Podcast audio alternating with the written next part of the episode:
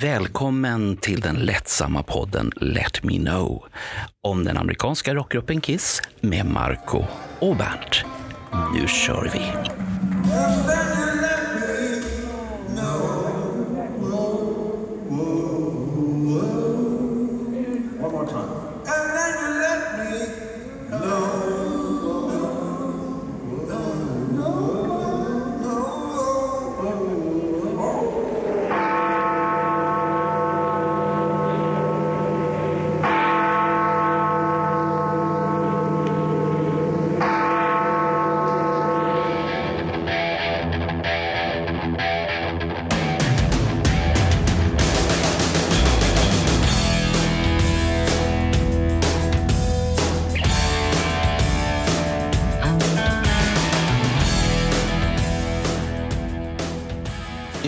Avsnitt av den lättsamma podden Let Me Know.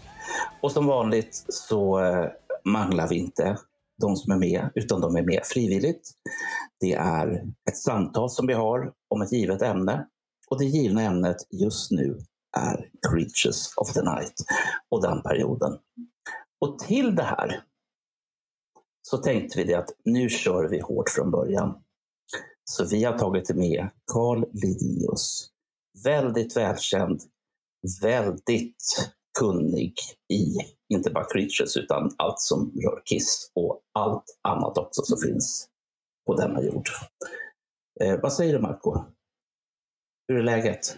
Ja, jo, jo, det är bra. Läget är bra. Det är lite spännande för det här är lite större projekt. En idé som vi fick att göra fem olika poddar med olika ämnen, men om samma fenomen, Creatures of the Night. Då, då. Och då ska vi ha ett trevligt samtal med Karl här om imagen och vägen till den här äh, Creatures of the Night-stuket och alltihopa och det som händer runt omkring. All, all, alla vet ju att det händer mycket stök. Ace var ju inte kvar där sen när turnén började. Han var med så länge promotion-turnén var och sånt här. Så att det är lite mycket lite samtal kring det och sen kommer vi ha helt andra samtal med de andra. Då. Eller vad säger du Karl? Ja, hej. Eh, ja, vi får väl se hur det blir av det här. Eh, det var kul att eh, ni frågade mig om jag vill vara med, trots att jag inte är så lättsam. Jag är mer svårmodig. Så vi får väl se vad det blir av det här. Ja, jag har ju hört att du inte är så svårmodig så att du var, du var ju med i en Alice Cooper-podd här för det kom upp som rekommendation Ja, i, idag om trash. Och, det, och, och den började bra att han var en svikare och allt möjligt och sånt där. så det, ibland, ibland är det nyttigt att diskutera skivor som man kanske inte eh, älskar så mycket och kanske inte har så stark relation till. För man läser ju någonting längs väggen eh, själv. Eh, till skillnad mot Creatures of the Night då, som är en av mina favoritskivor genom tiderna. Eh, men vi ska inte grotta ner oss så mycket i albumet förstår jag, utan mer Nej, vi- vi kan prata-. Ja, vi kan får väl se prata om albumet också. Men hur kommer det sig att det är ditt favoritalbum med Kiss? Eh, alltså det är svårt det här med, med alla Kiss-skivor. Man har ju en sån speciell relation till alla. De har ju betytt så mycket för en, i alla fall fram till tills man blev, blev vuxen. Då. Och det blev jag ungefär med Psycho Circus. Sådär. Sen dess har det inte hänt så mycket roligt ändå på albumfronten. Men Creatures var den andra plattan jag köpte. Animalize var ju först, efter att jag sett Heavens on Fire- Heavens on Fire-videon. Och sedan såg jag, såg jag I Love It Loud-videon och då var det ju kört. Då var jag tvungen att ha det, den plattan. Och eh, den skivan, jag, jag tror att jag förstod det redan som 8-9-åring där att det finns ju en hel, helt annan ehm, eh, vad ska man säga, fokus på den här plattan. Den är ju mer fokuserad. Den är ju den står för någonting den här plattan. Det är mer en homogen skiva till skillnad mot Animalize som var riktigt splittrad då, på grund av Jeans åtagande med Wendy Williams och eh, Runaway. Och så. Men det är ju en annan historia. Men Creatures, det finns ju den, den är så ska man säga, skarp, den är som välriktad smocka. Eh, och hela omslaget då. Jag fick ju tag på, eh, det var nog att jag fick det sminkade omslaget. Det osminkade var ju relativt nytt och fortfarande, men det ville man ju inte ha. Men det sminkar då, man Nej, har lysande ögonen. Det är som man, man blir hypnotiserad, man dras ju in i skivan, i de här nio spåren. Och eh, där har jag ju fastnat och där har jag fortfarande kvar. Så att eh, alla Kiss plattor de är ju rätt jämnstarka i, i mitt tycke. Men Creatures, eh, det finns ju inte en dålig stund på den plattan som det finns på, på de flesta andra. Har ju, de flesta andra plattorna har ju något spår som kanske inte är lika bra som de andra. Men Creatures är ju 10 poängare rätt igenom, tycker jag. Du, du, du tycker att alla spår är bra på den? Det är inget som är Murder in High Heels? Eller nej, den är inte Nej. med på den. Nu måste jag tänka, fan vilka låtar är det? Killer är med på den. Ja, Och sen har du War Machine. Ja, War Machine i- I den åldern så gillar alla den låten. Och idag är väl den sönderspelad, men jo, men det, Det är en grym en- låt. stu- Studioversionen har du en, ett annat mörker, en, ett, Mm. en annan attack än vad någonsin har kunnat få live. Så att den är fortfarande fröjd att lyssna på, eh, studioversionen tycker jag. Ja, men Fast Killer, och, Killer ja. Danger och Rock'n'Roll Hell kanske är de minst eh, kända låtarna om man vill. Men jag tycker ju, även för Killer kanske inte är den mest kända låten så tycker jag att eh, den är grym rätt igenom. vad, vad gillar du Saint and the Sinner då? Det är en sån låt som jag hade svårt för när jag var yngre. Jag hade svårt för de flesta av Jeans låtar när jag var yngre för att jag gillade mer när det gick eh, fort, när det var, när det var energi i det hela. Och Paul har ju alltid stått för de mer energifyllda låtarna. Jag placerade ju eh, Satan Sinner samma fack som Lonely's the Hunter och, och She. Liksom. Nu fattar jag vilken stor skillnad det är på de här tre låtarna, men bara ett exempel. så. Det var långsamma låtar och eh, jag var inte så förtjust i det, men jag tyckte att den var så här lite vuxen och tråkig så när jag var liten. Men nu när jag då är vuxen och tråkig själv så tycker jag att det är en fantastisk låt. Det hänger väl Ja, men- med, med det. Då blir, då blir Roger glad här nu, för det var hans favoritlåt på den skivan. Ja, men den, Så alltså, att, eh, melodin är så fin och Eric Cars, eh, han spelar en sorts halvshuffle genom låten som är rätt eh, olikt Kiss. Och det finns ett så gött släpigt driv och Jeans basräkor, eh, hur han kommer in där i början. Och, eh, ja, det, det är fantastiskt.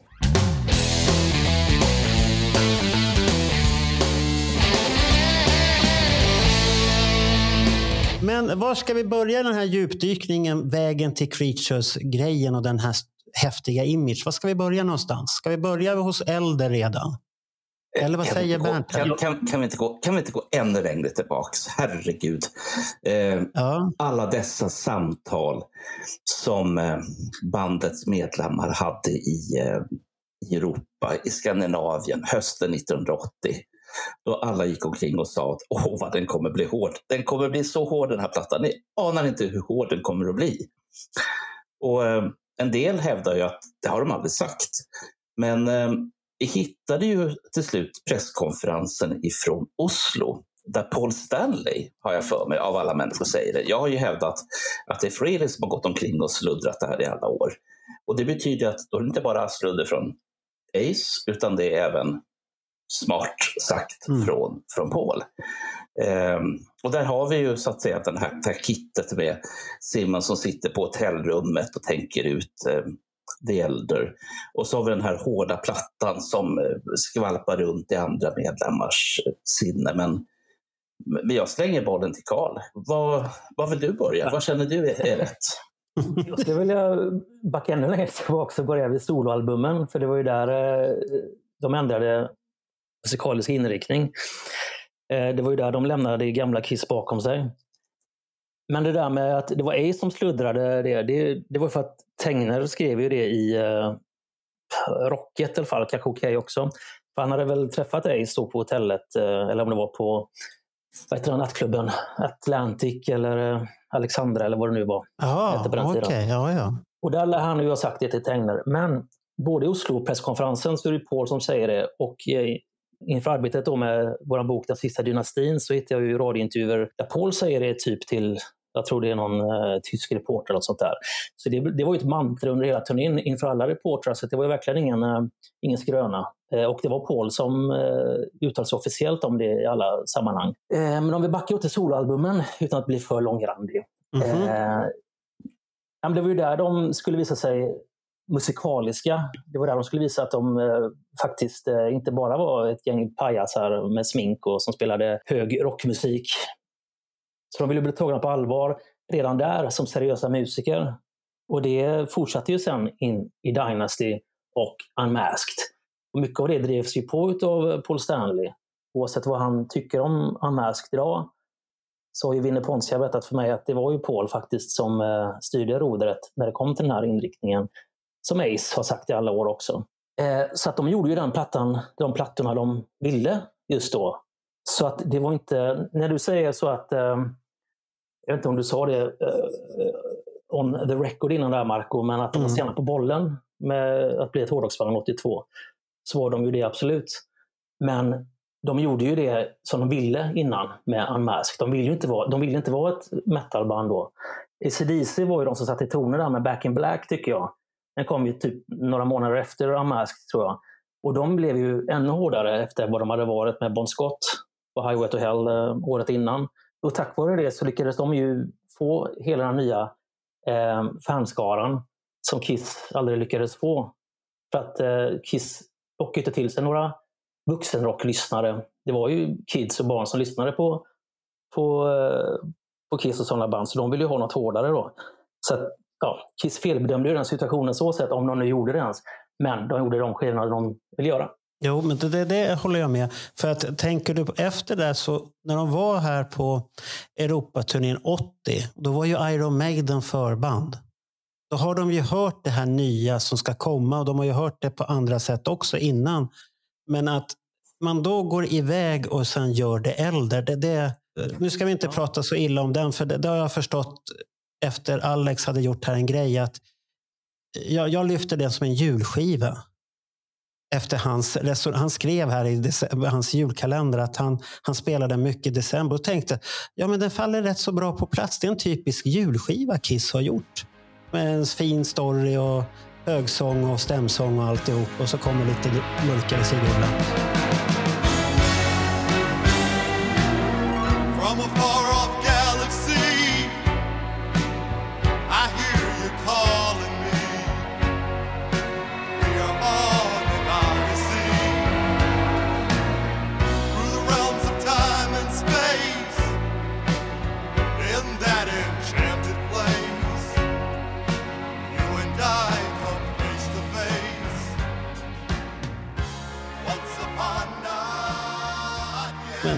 Så att det är väldigt konstigt det där att den fanns där. Och vet du varför den skivan gjordes överhuvudtaget? Att man inte gick iväg och gjorde en, en hårdare platta som man har sagt hela tiden på 80-turnén att man ska göra?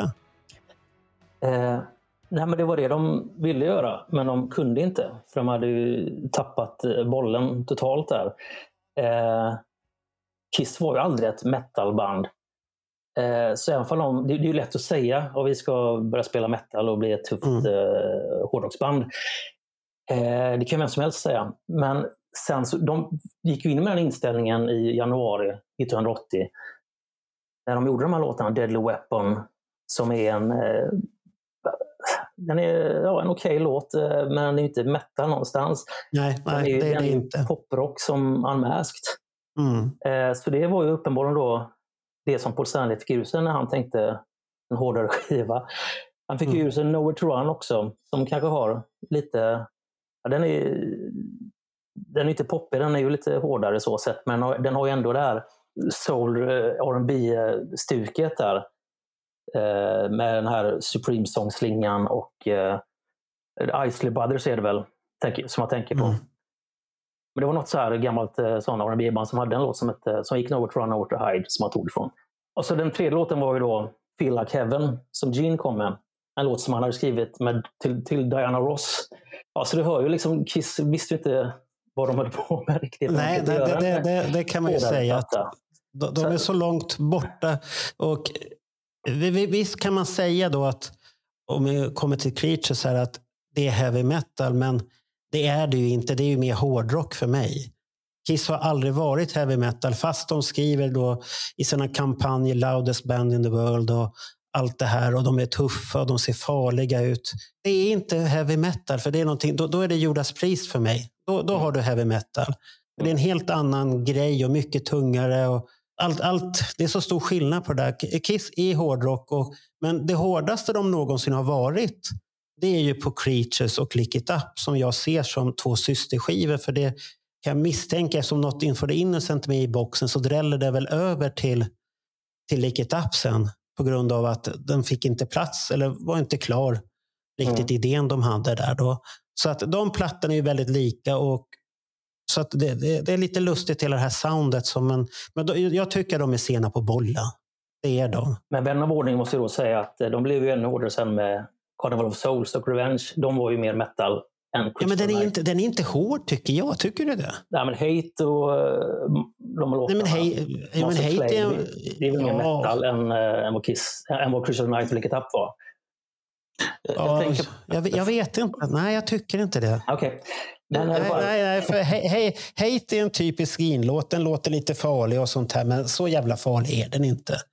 Den är lite enformig och tråkig. kan, kan, kan vi backa tillbaka lite grann här till Ja. eh, september 1981. Eh, Gene Simmons och Eric Carr, båda nyklippta och fina unga herrar med fina peruker och, och sina dräkter, eh, blir intervjuade utav ett par olika tv-stationer. Och de uttrycker sig väldigt, väldigt diffust när det gäller den här plattan som sen kommer att bli The Elder. Eh, jag har för mig att Eric Carr säger någonting med att det, det kommer bli en, en platta med slips och kavaj eller någonting sånt. Eh, och då sitter jag och funderar på vad visste de, båda herrarna, när de var i Wien i september 1981? Hade de The Elder eller hade de något annat i huvudet då när de åkte för att få sina priser? eh, de hade, det? ja, The Elder var väl i stort sett färdiginspelad då. Så de visste exakt vad det var, men de ville ju vara så hemlighetsfulla som möjligt. De ville spara de stora fanfarerna till releasen då i eh, november, oktober, november tror jag det var. Mm. Eh, nej, så de var ju väl medvetna. De hade tagit de här nya bilderna redan i juni med den nya looken. Det var därför de hade peruker och det här stora håret helt plötsligt här, eh, senare i Wien som det var. Nej, det, det var ju bara att de ville hålla på hemligheten eh, tills det blev dags att eh, lansera det stort. Då. Ja. Man måste säga att det är väl lite olikt Kiss att hålla på en hemlighet, för det har de ju aldrig lyckats med riktigt förut. Och inte än idag lyckas de hålla på hemligheter. Så det, det är väldigt olikt. De, är- vad- kan det ha varit att de själva var rädda för det som skulle komma? Eh, jag vet, nej, jag tror att de var... Jag tror att de gillade vad de gjorde, annars hade de inte gjort det. Men eh, nej, allting gick, ju så snabbt i övriga, i övrigt fall i Kiss karriär. Så att, eh, liksom, det var bara nya skivor, nya turnéer, nya dräkter hela Mm. tiden. Så det var inte, fanns inte så mycket att hålla på. Men det äldre var ju väldigt speciell och det visste de ju. Att det skulle innebära en ny look. Det talades ju länge om att de eventuellt skulle visa upp sig utan smink första gången. Så de kanske, de kanske inte hade bestämt det redan där heller. Så det var därför det var mycket hemlighetsmakeri kring det hela. Men för att backa lite grann igen då. Orsaken till att The Elder blev till, det var ju då för att när Bob Esrin tog över bollen eh, januari, februari efter de här tre låtarna som jag nämnde innan. Så sa jag han garanterat, och Kiss fattade väl själva, att det här saknar inriktning. Det här är ju inte det vi hade tänkt göra. Vi vet inte vad vi vill göra. Vad vill vi göra egentligen? Så sen så drömde, dröjde det till maj innan de spelade in fem låtar till med Bob Esrin för första gången. Bland annat då den här som kallades för Heaven när det begav sig. Som sedan blev Breakout, som sedan blev Carl Jam eh, 81. Några andra idéer som senare blev Tell it to a fool eller Sentimental fool eh, och, eh, och så vidare. Men det var inte heller liksom någonting att hänga i julgranen tyckte de. Så då kläckte ju Gene den här idén med The Elder och Bob nappade ju med en gång. Och då skrevs det nya låtar. Sedan så gick allting ganska fort. Så de tyckte att det var spännande att till slut att de låtsade att de hade någon, någon idé, någonting att gå efter, någonting att jobba mot. Och då fick vi The Elder, som som sagt inte är någon metalplatta som de hade lovat. Det är det ju inte. Men då hoppar vi förbi den plattan nu och så kommer vi till den här eh, skivan som kom däremellan. Är det Partners in Crime den heter, den skivan? Ja, det det. Killers. Killers. Killers. Ja, just det. Vad fan fick jag Partners in Crime från? Det det, är den där jävla- det är den där boken som förstör det hela. Ja, så att det, så att då kommer den. Det är väl bara Paul-låtar på de här uh, nya. Som, det är väl bara Paul har jag för mig. Nej, men det Jo. stämmer. Gene Mm. hade ju några idéer som har dykt upp i den här nya Creatures-boxen. Då. Han hade Tell it to a fool-idén som finns med där och så hade han eh, Chrome Goes into motion-idén som också finns med där. De gjordes också eh, med Killers i åtanke.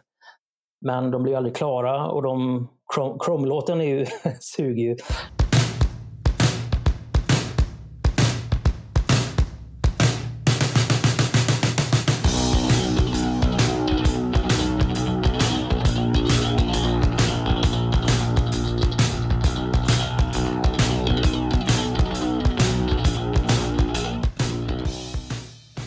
Taylor Swift gjorde ju aldrig klart tyvärr. Alltså att det blev ju bara då fyra pålåtar som han skrev eh, i mångt och mycket med utomstående låtskrivare. Vilket då var en eh, någonting som Michael James Jackson, då, producenten tog in, det var han som propsade på att ni får börja skriva med lite andra folk här. Eh, så att det blir något, något nytt. Och det var ju det som eh, blev den förlösande faktorn då som eh, sedan eh, skapade Creatures. Mm. Där vi har många utomstående låtskrivare med på. Men, men den här, om vi tänker då att då har de den här imagen då som är lite snäll för att vara en Kiss-image egentligen. Så att de, vi, vi som är hårda fans, vi tycker att den är lite snäll. Hela den imagen. Fast är man ny så är den, den ser inte så jävla snäll ut egentligen. Men, men någonting är det i alla fall. Men om, om vi då tänker att nu ska vi, då ska de ju göra någonting som är hårt. Vet du någonting hur tanken gick där? Att hur ska de göra det här för att det här ska bli nu ska det bli det här heavy metal som de sitter och säger. Nu, nu ska det bli det där. Har du vet du någonting eller är det någon som har sagt någonting hur vägen var dit och hur tanken var överhuvudtaget i Kisslägret där? Ja, nej, men hela The Elder-imagen är ju lite New Wave-inspirerad. Man kollar på skoborna och sådär. Det var lite Adam and the Ant-stuk. Sådär. Eh, och det korta håret. Och de fattar ju att eh, folk hade ju lika svårt för utseendet som de hade för musiken. The Elder. Så de var ju snabba med att eh, låta håret växa ut igen. Gene hade ju långt hår, han hade ju fläta bara. Men Paul fick ju låta sitt växa ut och även Eric Weiss, han vill hellre dricka alkohol och ta kokain så han bryr sig inte så mycket om hur han såg ut. Nej, nej. Nej, men och sedan så... Det måste ha gjorts någon fotosession, den första där, som blev en okej affisch. Eh, där ser man ju eh, att det är rätt mycket av The Elder eh, kläderna kvar. kommer inte ihåg exakt, men, men Gene var ju den som hade... Ja, Ace hade ju sin dräkt hela tiden, men han var ju, som sagt, han, han hade ju hoppat av redan i, i mars. I mars började Kiss leta efter en ny gitarrist. Mars 82. Mm.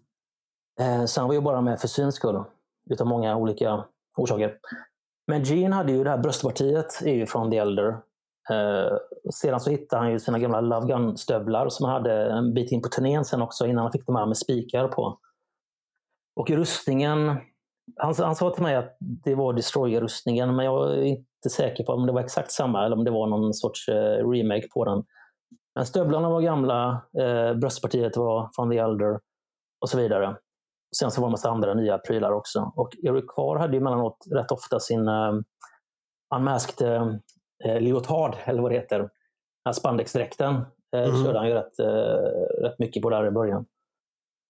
Eh, och sedan så blev det ju mer och mer uh, läder och nitar och mer Judas Priest helt enkelt. Ja, för de, de bytte ju ut under vägens gång hela tiden och det kom ju till mycket Mm. och förändrade mycket på de där dräkterna så att, så att de skulle se hårdare ut hela tiden. Så att det, det är lite lustigt egentligen att de inte hade något klart koncept från början. Där de ändå har varit ett konceptband och haft klara visioner hela tiden. Var det någon person som saknades där då? Eller var det bara så här spridda skurar? Eller var alla haj? De som jobbar runt omkring, de var höga utan någonting annat. Bill O'Coin fick ju sparken i april. Så det var också en sån viktig motor som försvann helt plötsligt. Mm. Eh, och med honom så försvann ju entouraget eh, runt omkring. Och eh, samtidigt som Kiss själva, ja, de greppade ju efter halmstrån. De fick ta det som de kunde. Sådär. De kanske inte ens ville ha den här, den här superhjälte-imagen var också lite passé då. Så det var därför Paul var rätt eh, basic i, sina, i sin dräkt där. Medan Gene då försökte se så demonisk ut igen eh, som möjligt. Så att, eh, han gick tillbaka tillbaks till då Destroyer Love Gun-looken eh, och eh, hoppade över hela Dynasty-debaclet eh, eh, rätt av. Sådär. Så att, eh, nej, men de kände sig ju fram. Eh, det, det var ju en lång väg tillbaka både musikaliskt och eh, imagemässigt där under 1982. Ja, det- det det är lite festligt egentligen, hela den där Ja. grejen. Där. Jag har, eh, jag har en fråga till dig, Carl. Eh, Det som har sagts under ganska många decennier är ju att eh, Gene och Paul minns ingenting. Ace minns absolut ingenting överhuvudtaget. Eric, ja, han checkade ut. Men du har intervjuat både Paul och Gene ett antal gånger. Eh, och framförallt nu på sista åren. Får du intrycket av att de båda inte minns någonting? För att det som du berättar nu känns ju som att jo, de minns sin, sin forntid och sin storhetstid under den här början på 80-talet. Eh, ja, eller de minns det som de vill minnas det oftast. det är ju så med dem. Ja, tack. Men grejen är att det har gått så jävla lång tid nu. Det har gått 40 år sedan det här hände. Och eh, som jag och Alex brukar säga ofta, vi önskar att vi hade gjort det vi gör idag, att vi hade gjort det eh, för 30 år sedan. det var mycket lättare att gräva i folks minnesbilder än vad det är idag. Så man får ju försöka pussla ihop eh, kalla fakta med det som folk minns. Och eh, det kan ju skära sig rätt mycket ibland. Nej, men eh, nu senast var ju det här då med att, eh, som jag skrev i artikel i Sweden Rock, Paul pratar om, om eh, att det är olika medlemmar på låtarna. Oftast då att olika Kiss-medlemmar spelar olika instrument på skivorna. Sådär. Och så sa han ju då att Eric spelar ju bas på Under the Rose. Och det, jag hörde att han spelar gitarr sådär, eftersom det var han som skrev det här gitarrplocket till den låten. Så jag sa, jaha okej, ja, det är möjligt. Han spelar i alla fall bas på I still love you. Och så sa Paul, nej det gjorde han inte. nej okej, men, det, så, men det har ju Gene sagt i alla år, sa jag. Eh, ja, jag vet, men eh, han har fel. Eh, vem är det då? Ja, det är Gene som spelar. Vad jag borde ha sagt, som jag inte tänkte på, det är att Eric själv sa att han spelar bas på I still love you. Redan på 80-talet. Jaha. Det har jag ju hört honom säga i, i inspelade intervjuer. Och jag tror inte att han, han borde veta om han spelar bas på I still love you eller inte eftersom han var ju så pass, det var så pass nytt för honom. Så att, ja, och, inte, det det ja, och, inte, och, ja, och inte bara det, precis som du säger att intervjuerna är ifrån den tiden då det här ägde rum med Eric. För det finns ju av förklarliga skäl inga nya Eric Carl-intervjuer. Det finns inga nya minnen att dra ur Eric Carl, utan det som finns är ju från den här, från den här tiden. Mm. Och det kan ju vara både på gott och ont. Om man inte minns då, ja, då är det tråkigt. Men det han minns måste på något sätt vara mera värt än Gino Pauls minnen 30 år senare. Ja, eller allas minnen från 80-talet är ju bättre än eh, någons minnen idag. eh, så är det ju. Man, man, man, får, man får pyssla och plocka bitar härifrån och göra en verklighet av det. Ja. Det är väl det det går ut på, Karl. Absolut. Men hela den här heavy metal-grejen som jag var inne på innan, jag vet inte ens om, Mm. alltså om begreppet heavy metal var så etablerat, eller att skillnaden mellan eh, heavy metal och hårdrock, om, om den var så eh, skarp då som den har blivit med tiden. Jag vet inte, man kanske jo, ihop det med nej, heavy metal nej. och hårdrock på den tiden. Eh, Heavy metal, det, det kom på skivbörserna vet jag. Då kunde Mm. det finnas sådana fack. Och det, det kom vissa, men de flesta hårdrocksskivorna var i samma fack och så kallades Ja. det för heavy metal. Så Ja, jag vet inte om folk riktigt förstod vad det betydde. Och Mm. Det är väl bara ett begrepp. Och det, vi, vi är ju väldigt duktiga människor att skapa alla dessa jävla kategorier. Mm. Och Det finns ju den här, han som gjorde den här stora dokumentären om alla hårdrockskategorier som finns. Om ni har sett han, Mm. jag tror han är från Kanada. Man, man blir ju mörkrädd utav alla kategorier som finns där Ja, i sådana fall. framförallt under slutet av 80-talet så eh, exploderade det ju verkligen. Men jag tror Det som ni pratar om, för som sagt, jag, jag var med, jag är äldst i gänget här just nu, det är ju att eh, allting som hade med Kiss, eller Iron- Maiden, Judas Priest, det stoppades ner under en liten obskyr rubrik som hette hårdrock. Ibland stod det hårdrock, eh, särskrivningar redan på den tiden, och ibland så stod det hårdrock. Eh, det här brittiska eh, The New Wave of British Metal, den hade inte kommit. Svenska skivaffärer förstod inte, så de stoppade ner Judas Priest där också. Och de stoppade ner alla de andra British New Wave of Heavy Metal. Och någonstans där så föddes ju heavy metal-konceptet som ett Ja, som någonting som man hade i skivbackarna. Ja, det, det, det, jag vet är att The Purple, den, låg aldrig i heavy metal vet jag i alla fall. Ja, den låg bland rock. Den, den låg bland hårdrock som värst någon gång. Men aldrig i den heavy metal-kategorin på skivbörserna. Där har den aldrig legat. Mm. Och Ki- Kiss kan vara lite blandat var den hamnar. För att det kanske de inte lyssnar på skivan överhuvudtaget. Men det som jag pratar om nu, det är tidigt Mm. 80-tal. Sen har ju det här förändrats. Ja, men Åhléns hade väl rätt så mycket såna här jävla olika skyltar i, Ja. i sina skivaffärer. Det stod allt möjligt. De, de var väldigt duktiga på att göra olika grupperingar. Men jag tror inte Istället att, för i, bara- I USA tror jag inte man sa hard rock så, som vi säger hårdrock. Jag, jag tror man, I USA så var, var det heavy metal om det var eh, skrikiga distade gitarrer. Sådär, liksom. Så att när Paul Stanley det- det sa heavy metal ja. så var han, menade han nog egentligen mer hårdrock.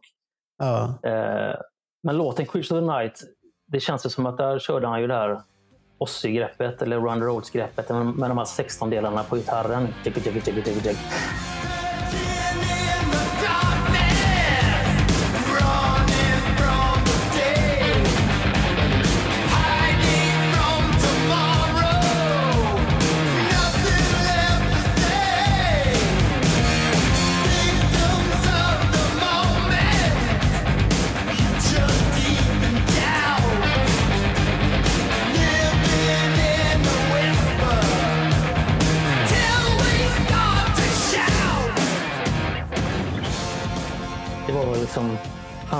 Inne i att skriva en riktig hårdrockslåt. Så. Men sen så har både Gene och Paul sagt det att eh, ja, men vi, vi är inte heavy metal. Vi, vi, är alldeles för, vi har alldeles för stort melodisinne för det. Och det kanske stämmer. Liksom. Kiss har liksom, de, har aldrig byggt sina låtar på riff på samma sätt som kanske då Black Sabbath gjorde. Liksom. Utan melodierna har ju alltid varit i fokus. Och det, det är ju deras Beatles-bakgrund som, som, som spökar där eh, såklart. Men med det sagt så, ja, nej, men jag tycker Creatures är den perfekta hybriden då mellan, eh, mellan eh, metal så att säga och, eh, och eh, det melodiösa Kiss-soundet. Men hela det här eh, konceptet där då, när det, när det kom det här, som du sa, att det, Bill O'Coin och alla de här var borta. Och de som hängde runt honom. Så då är det kanske inte så konstigt att Kiss, den här eh, imagen inte var riktigt till 100 procent från början. Vet du vilka som involverade sig och skapade och hjälpte dem med imagen där? För att skapa den här profilen som vi fick där, Loudest Band och de här fotosession med blått, blå bakgrund och dimma och allt det här. Och måne som är och allt på bilderna. De hade ju börjat jobba med ehm, eh, Danny Goldberg då. Som hade varit bland annat Led Zeppelins pressagent på 70-talet. Han hade även gjort press för Kiss 76. Sedermera blev han ju eh, manager för, eh, jag skulle vilja säga Nirvana, men jag kanske blandar ihop det med några andra nu när jag tänker efter. Mm. Men han är ju en sån riktig höjdare i branschen. Han, var, han, anställde, han anställde som creative consultant. Hur mycket, jag har intervjuat honom inför min första bok, eh, men han ville liksom inte ta på sig så mycket. Han ville inte ta så mycket cred för det här med, med vare sig Creatures-inriktningen eller att de sminkar av sig. Han sa att Gene och Paul har alltid varit smarta killar själva. Så att de, jag, jag behöver inte hjälpa till så mycket. De visste exakt vad de skulle göra och hur de skulle göra. Och det ifrågasätter jag inte heller, utan jag tror att vid det laget, de har hållit på i tio år, de visste ju om det var någon som skulle rädda Kiss så var det, så var det de själva. Men sedan eh, omslaget där. Min, eh, mitt favoritintervjuobjekt är ju Dennis Wollock som gjorde omslaget. Mm. Han gjorde alla omslag mellan Mm. 75 till 87. Han, han var ju med, med mycket på eh, olika fotosessions också. Bland annat då den här eh, ni vet den här affischen Loudest Band in the World, tror jag det är. Ja. Den står på de här stenarna och den har fullmåne bakom. Ja, det är den här månen som jag tänkte Ja, på precis. jag, vill, jag vill minnas att den bi- bilden togs samma dag som själva omslaget gjordes. Och det var ju Dennis idé med de här eh, lysande ögonen och den här blåa, eh, månblåa kulören och sådär. Så att, eh, han var ju involverad där. Jag ser att han är med på bild i den här nya boken i boxen. Jag har inte, jag har inte boxen själv, jag bara, fick bara musiken. Men eh, han har aldrig fått någon cred där. För när jag pratade med Paul i maj just om Howard Marks advertising så gav han ju med ett sånt klassiskt Paul-svar. Alla omslag kom i stort sett från oss själva alla titlar och sådär. Vilket då inte alls stämmer när man pratar med Mm. Dennis. Eh, och så Nej, vidare. nej, jag, jag, det, jag tror inte det stämmer alltid. Så, Ja. så duktiga är de inte. De är duktiga på mycket, men eh, Ja. de hade ju stor hjälp av eh, teamet eh, bakom Mm. sig. Eh, fram då till 82 när allting havererade. Ace och Bill försvann och Neil Bogart dog ju också. Han som hade stöttat dem eh, fram till att han sålde Polygram 1980 eller 79. och så vidare. Så att, nej, det var en omtumlande period där. Men eh, jag är ju ändå rätt övertygad om att eh, det var Gino Paul som eh, styrde skutan rätt igen på eget bevåg. Jo, men det, det, det känns ju för att Erik Carr kom ju in och han är ny. Han kommer ju inte säga någonting. Och Ace, han var ju borta. Det, det vet vi, han var ju inte där. Han, han följde med. Men varför följde han med på det där spektaklet ute i Europa? Och det här? Vad, vad var det för kontrakt som spökade där? Att han var tvungen att följa med på det när han inte... Han var ju lite lustig på hela resan mest, tyckte jag, när man tittar på honom. Ja, det, Ja. så kan man säga. Som Gene nu så senast när pratade honom i oktober att eh, det var ju, Ace var med i videon och på omslaget. Eh, det, det kändes som att har glömt den här eh, pressturnén gjorde i november och början på december. För Gene hävdade att sista Ace gjorde det var videon till I Love It Loud, men den gjordes i 28 oktober. Nej, men då säger Gene att det var för att eh, de inte ville göra fansen upprörda.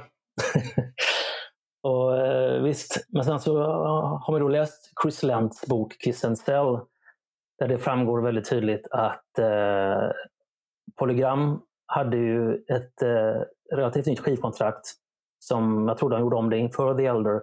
stod det att om ytterligare en originalmedlem slutar eller får sparken så måste de, eh, så måste de eh, vad heter det, Re renegate, heter det, eh, omförhandla kontraktet. igen. Omförhandla, ja, och så blir det mindre pengar. Ja, det skulle inte vara till Kiss fördel då. Nej. Så därför skulle de förlora en jävla massa pengar om de släppte Crystal Night med en eh, annan medlem, med bara, med bara två originalmedlemmar kvar. Och eh, åkte ut och gjorde promotion för, för den. Så det tror jag mer på såklart. Eh, för Chris har ju, har ju papperna också. Därför som Ace gjorde Kiss en tjänst att han ställde, med, han ställde upp omslaget i videon och den här promoturnén för att de inte skulle eh, vara tvungna att förhandla om kontraktet och förlora en jävla massa pengar. För att det, det kontraktet de hade skrivit på var ju tydligen extremt guldkantat. Så det kan man ju förstå att och Paul var extremt måna om att eh, det skulle se ut som att Ace fortfarande, fortfarande var med i bandet. Jag har, en fråga, jag har en fråga där då. Hade Winnie redan blivit omnämnd då i USA det att du ska följa med på turnén? De, eh, han var ju egentligen inte... De, vill, de testade ju massa olika gitarrister. Mm. Och han var väl inte riktigt med i loopen där eh, om att eh, följa med i bandet. Eller det satt långt inne man, kan man väl säga. Men eh, mitten av september så eh, togs det fram ett kontrakt där eh, han erbjuds jobbet som eh, en additional performing member of the group. Vilket man då kan tolka som att eh, de hoppades in i sist att Ace skulle följa med på turnén och att Winnie kanske skulle behöva hoppa in eller eh, stå bredvid om Ace skulle få för sig att eh, nej, aldrig i livet. Vi vill ju hellre ta en lina kokain till. Ja, ja, okej. Så man hoppades på Ace in i det sista. Men, men det måste man väl ha märkt på Europaturnén att han var lite för rolig på Europaturnén. Att det här, här kommer inte gå. Inte om man ska ut på turné. Det, nej, för att eh, Nej. två, tre veckor efter, eh, två och en halv vecka efter så började de ju repa med Winnie.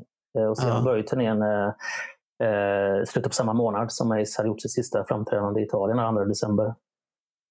Men eh, kommer du ihåg den här perioden här, du som har kollat här nu? Jag kommer ihåg vagt när han presenterades Winnie och allt det här. I Okej, det var bilder och var, var det något större uppdåd från Kiss när de presenterade Winnies ankomst och Ace Frehleys ut, ut när han går därifrån då? då? Lämna bandet. Eh, nej, det var det, det faktiskt inte, konstigt nog. Det kan ju varit delvis Mm. för att ingen brydde sig i USA. Eh, vi vet ju att biljettförsäljningen gick ju som den gick och den enda eh, marknadsföringen som de kunde, inte marknadsföring, men den enda de kunde, det enda sättet att de kunde synas i medierna det var ju i södern då, när alla de här eh, Jesus freaksen tyckte att eh, Kiss var satanister och sådär. Men det var ingen så, alltså, folk kunde inte bry sig mindre om, om, om Kiss hade en ny medlem eller inte. Men det var ju väldigt så, jag vet ju att folk som gick och såg dem i USA på den här turnén hade ingen aning om att, eh, de trodde att fan har Ace bytt sminkning och sådär. Så att det gick Jaha, det var så, ja, det var så illa Ja, i så USA? illa var det. Jaha, Ehm, där ser man. Det här var innan internetungdomar Ja, ja det, det förstår jag att det var innan. Nej, men det internet- gjordes, det gjordes verkligen ingenting, eh, inget, inget, eh, ingen sån här stor grej av, att, eh, av det hela. Och det tror jag delvis beror på som sagt att och Paul hoppades in det sista att eh, Ace skulle komma tillbaka. För att, Nej, för- nej, eh, för- för att för jag- jag, jag, hört så ringde ju Gene Ace flera gånger under turnén och mer eller mindre bönade och bad honom Fan, kom hit nu. Är du, har du, är du klar med din semester? Och sådär, liksom. Ja, så mitt under turnén också då? Ja, Jaha. Och då måste han redan ha vantrivts med Vinny i sådana fall. Ja, det gjorde de redan från Ja. början. Och det, Ja, det första att början de tog in honom. Och det frågade Paul också, men varför tog ni in honom om ni redan visste? Det säger de alltid att eh, vi vill aldrig ha med honom, inte ens från det att han kom och provspelade och han slängde sig på knäna och gjorde massa coola Ja. moves i, i, i repstudion. Då, tyckte Paul var astöntigt. Men varför tog du med honom då? Då säger Paul, "Nej, men vi hade inget val. Vi skulle ut på en turné, vi kunde inte ställa in den. Vi hade inte råd att ställa in den. Men jag tänkte, men fan, det måste ju funnits... Eh, Steve Ferris var ju på tapeten ett tag. Han som Ja. spelade solo på låten Creatures of the Night. Som senare, senare, senare gick med i Mr. Mister. Um, men han kunde inte sjunga och det var ju... Kiss var ju alltid måna om att ha, om inte fyra leadsångare så i alla fall grymma eh, backing vocals-snubbar. Nu kunde Vinn inte sjunga kör heller. Nej, det, det, vet jag att han inte Eh, så, så det, jag menar, det känns eh, att ett sånt band ändå som, alltså Kiss var ju stora, liksom, eh, alla visste vilka Kiss var. Inte de kunde vaska fram någon som de ändå trivdes med något sånär är, är ju faktiskt konstigt. Men, men, men nu, nu när du sitter, jag sitter och tänker här när vi pratade om Animalize-podden för ett tag sedan. Då, då är det ju samma sak där. Ma- det- Mark. Mark Sant, jag, jag förstår inte det där. Och, eh, Jonny Fredriksson, nu, nu, nu nämner jag hans namn igen här. Då, och, eh, han hade en rolig teori och han sa det så här, ja men Paul knaprade så jävla mycket psykofarmaka vid den tiden och gick hos psykolog. Så att, eh, det är väl inte så konstigt att han såg positiva sidor hos Mark St. John som vi andra inte ser överhuvudtaget. När han till och med ut, uttalar sig så att det är en charmig person. Och tittar man bara på de här intervjuerna, jag ser ingenting sånt. Och det, det kan ju vara samma i, med, som i Vinnie Vincents situation. Man har en panik och få in en person bara i det hela, så tar vi den. Jag frågade Paul om just det här i maj när jag pratade med honom. Eh, jag sa, jag försökte få honom att erkänna, kan inte det ha varit Kiss mest framstressade beslut eh, att ta in Mark St. John? För det gick ju så snabbt. Liksom. Nej, det vill han inte erkänna. Alltså, ja, Paul har ju lite svårt att erkänna Ja, ja, det, misstag i, i livet och karriären. Men han tyckte inte att eh, det var ett framstressat beslut att ta in Mark St. John. Eh, vilket eh, alla andra skulle anse. jo, det, det, det, det kan man säga. Usch. det, det här... Det, det, det som jag tycker är intressant är att jag har ju fortfarande ett hyfsat bra minne från den här tiden.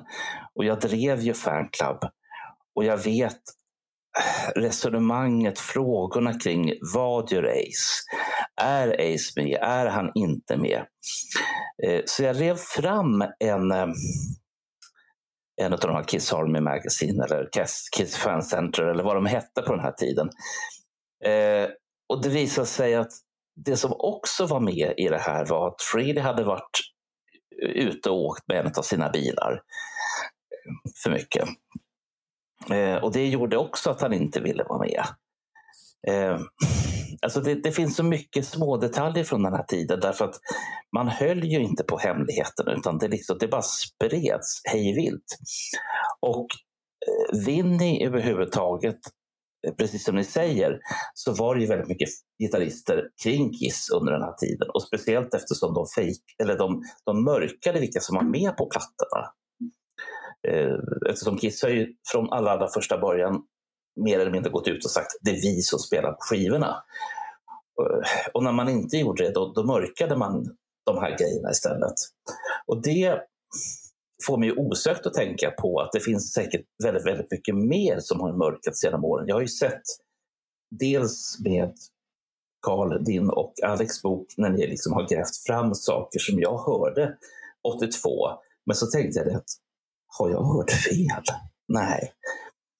Och sen när Winnie väl är ute, i alla fall i Europa, då är det lugnt. Alla tycker om Winnie.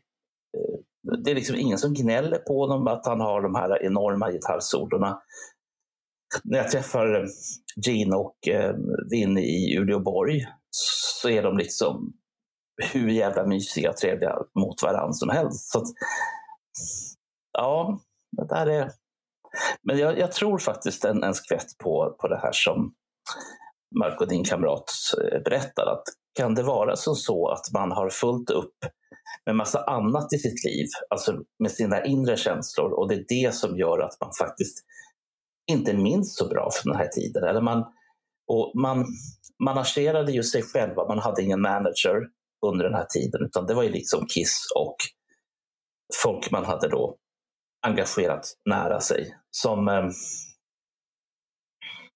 som liksom gjorde att det var en jävla röra på alltsammans. Och det enda man var säker på det var att Vinne sa, ja men jag kan hänga med ut på en turné. Jag skriver inte på något, men jag, jag hänger gärna med ut på en turné.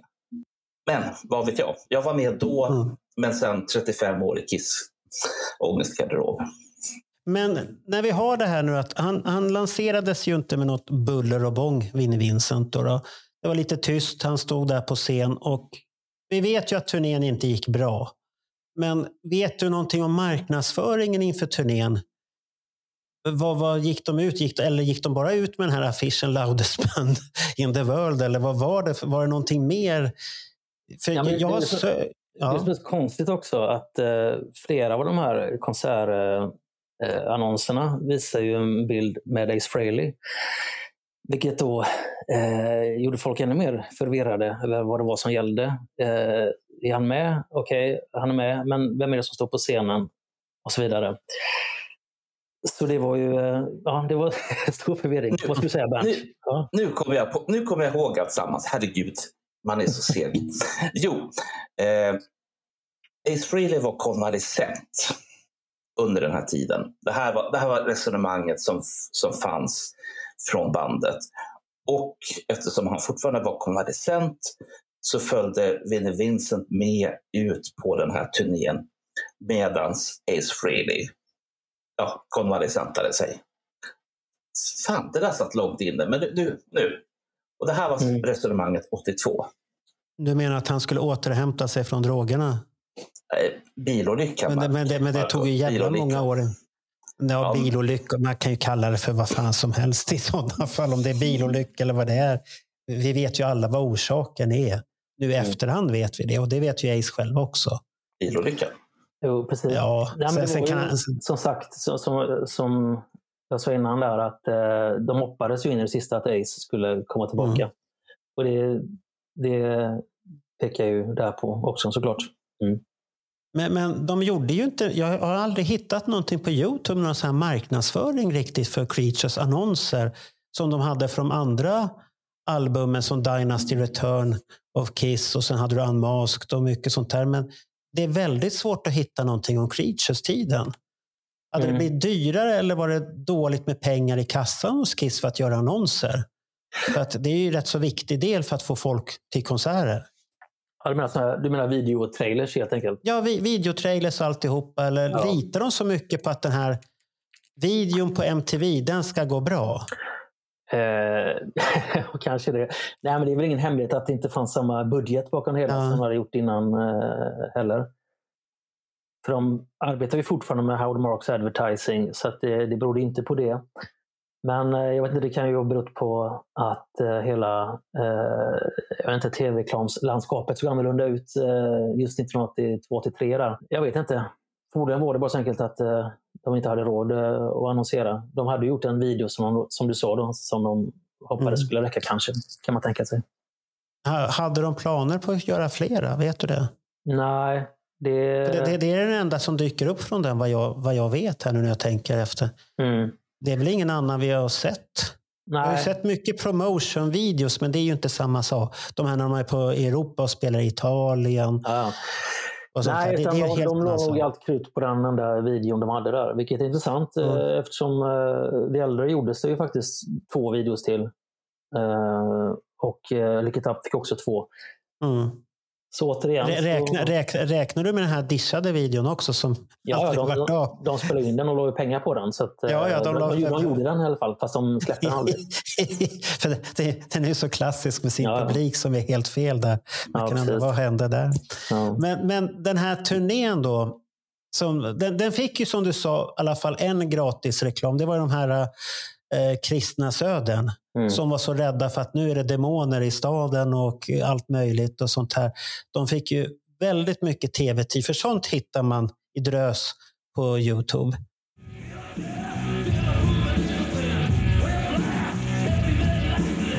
It's been 10 years since Kiss first walked on stage spitting blood, breathing fire, and promoting themselves as the loudest band in the world. With a new album to sell, Kiss has been on the road again, but their 100 city tour has met with controversy reminiscent of the 60s. Well, it might be the devil, or it might be the Lord, but you're gonna have to serve somebody. There were picket lines in Nashville, a record breaking protest in Little Rock, a standing room only city council meeting in Corpus Christi, and headlines all over the country Minneapolis, Dubuque, Chattanooga, and Bismarck, North Dakota. The protesters are mainly religious groups who have been trying unsuccessfully to get KISS concerts stopped because they say KISS promotes the worship of Satan. This is one of the ways that the enemy is coming in to try to engulf the minds of these teenagers and win them over. we make heroes out of these guys and make them look like they're something great when literally they're destroying this country. Their music and their lyrics is espousing uh, Satan worship and drugs among our kids, and and you're looking at a preacher in Pine Bluff, Arkansas, that's against it, and we're going to stand against it, and not just me, but in Georgia, Alabama, Louisiana, California, uh, the ministry's waking up and realizing that that we need to stand against this evil. I don't think we'd like those people to like us. They're they're strange.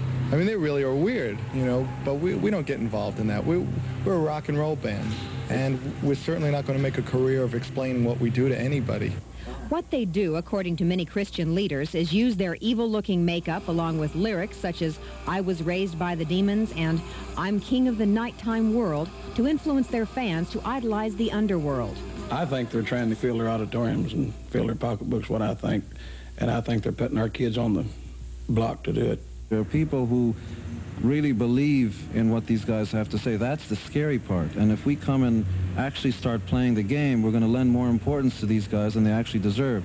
They are really small-time bozos who are warped, who are, who are going to try to do the same thing that's been done to Elvis, which is burn his records, and to the Beatles. We figure we're in very, very good company. KISS knows they can use the controversy. Their concerts have only been selling at 50 to 75% capacity, and their latest album, Creatures of the Night, is the poorest selling album of their career.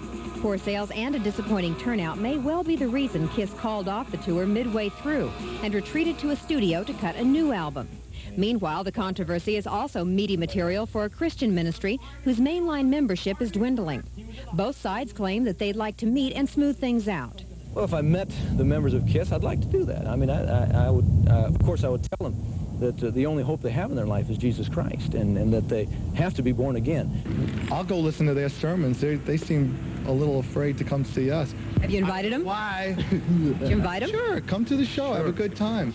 The kids, for the most part, are ignoring all the commotion and have been going to the KISS concerts for the same reason they go to any concert, to hear very loud rock and roll. They're not out here for any saint worship. It's just rock and roll. That's all it is. They don't have me working the devil, so I don't worry what they do.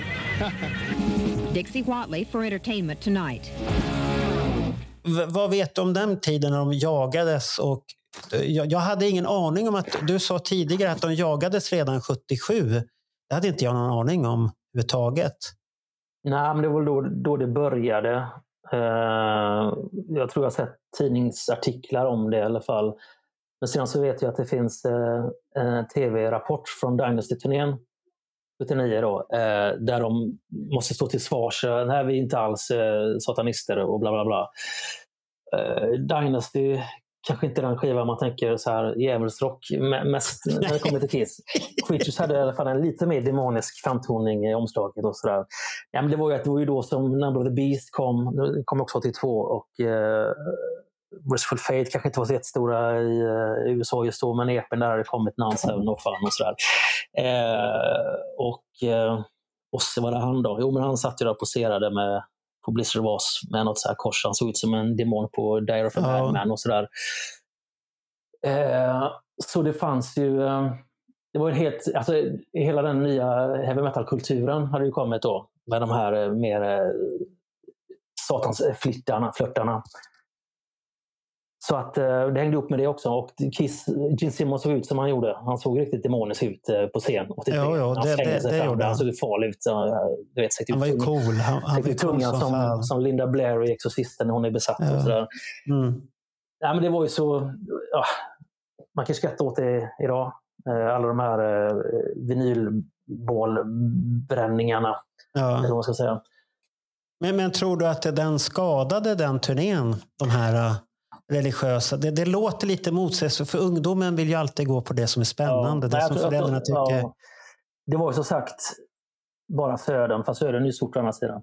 Nej, jag, jag tror Mm. inte att det gjorde varken till eller från när det kom till biljettförsäljningen. Jag tror, att, eh, jag tror inte att det är så många som går och köper en biljett till ett band som eh, i allmänhet anses vara passé bland sina skolkamrater bara för att Mm. de har blivit utmålade som uh, djävulsrockare. Så eh, ja, samtidigt kan det ha varit så att eh, i Södern med så här överbeskyddande föräldrar, liksom, "Nej, det här får du inte gå och se, då glöm det. Så att eh, i slutändan så tror jag inte att det gjorde varken till eller från. Fast vi i Sverige vi fick, eh, fick vi... De var ju med här när de var promotion-turnén på tv på intervjun. Men jag vet inte, spelades I Love It-videon då? Ja, det gjorde den. gjorde det? Ja, Okej. Hela versionen Okej. vill jag minnas med man ser att han kommer cyklande där till huset. Den, det var okej. som- Eh, så den, ja. den visades där. Men de spelade inte live, vilket var jävligt synd eftersom det är det de gjorde i eh, Tyskland, och Italien och Spanien och sådär sen. Alltså roligt skulle jag inte ha det i Sverige. Nej, nej, det ska För på, på Lick It Up-turnén så fick de, ju- vågade de ju inte visa videon för den Nej. var ju alldeles för farlig då. Då, då, då var det riktigt farligt. Men Gene Simmons eh, var ju jättefarlig 82 när han var med på svensk tv inför då den här videon. Eh, lång som lång. Ja, men han, han gav ju inte intryck av att vara farlig tycker jag. Han är mer han, han, är, han är oftast väldigt sympatisk tycker jag i intervjuer. Och det är ju där du har den här berömda, det finns en Ja. trailer med Helena Benno där hon berättar att ikvälls på, på Casablanca så ska Gene Simmons vara med och han sitter där bakom och säger exakt vad hon säger på någon väldigt spännande svenska. Så, att, eh, så den trailern är ju spännande och sen intervjun och sen avslutas ju alltsammans med, med videon. Och för mig själv då, det var ju en slags återkomst. De är tillbaka. De är här. Det här Det här är Gene Simmons är Gene Simmons. Tack. från, från Kiss. Från Kiss, that's right. Honom träffar ni Honom ikväll träffar ni ikväll i Casablanca i Casablanca klockan klockan 21 och 35. och 35. Välkomna. Välkommen. Tack.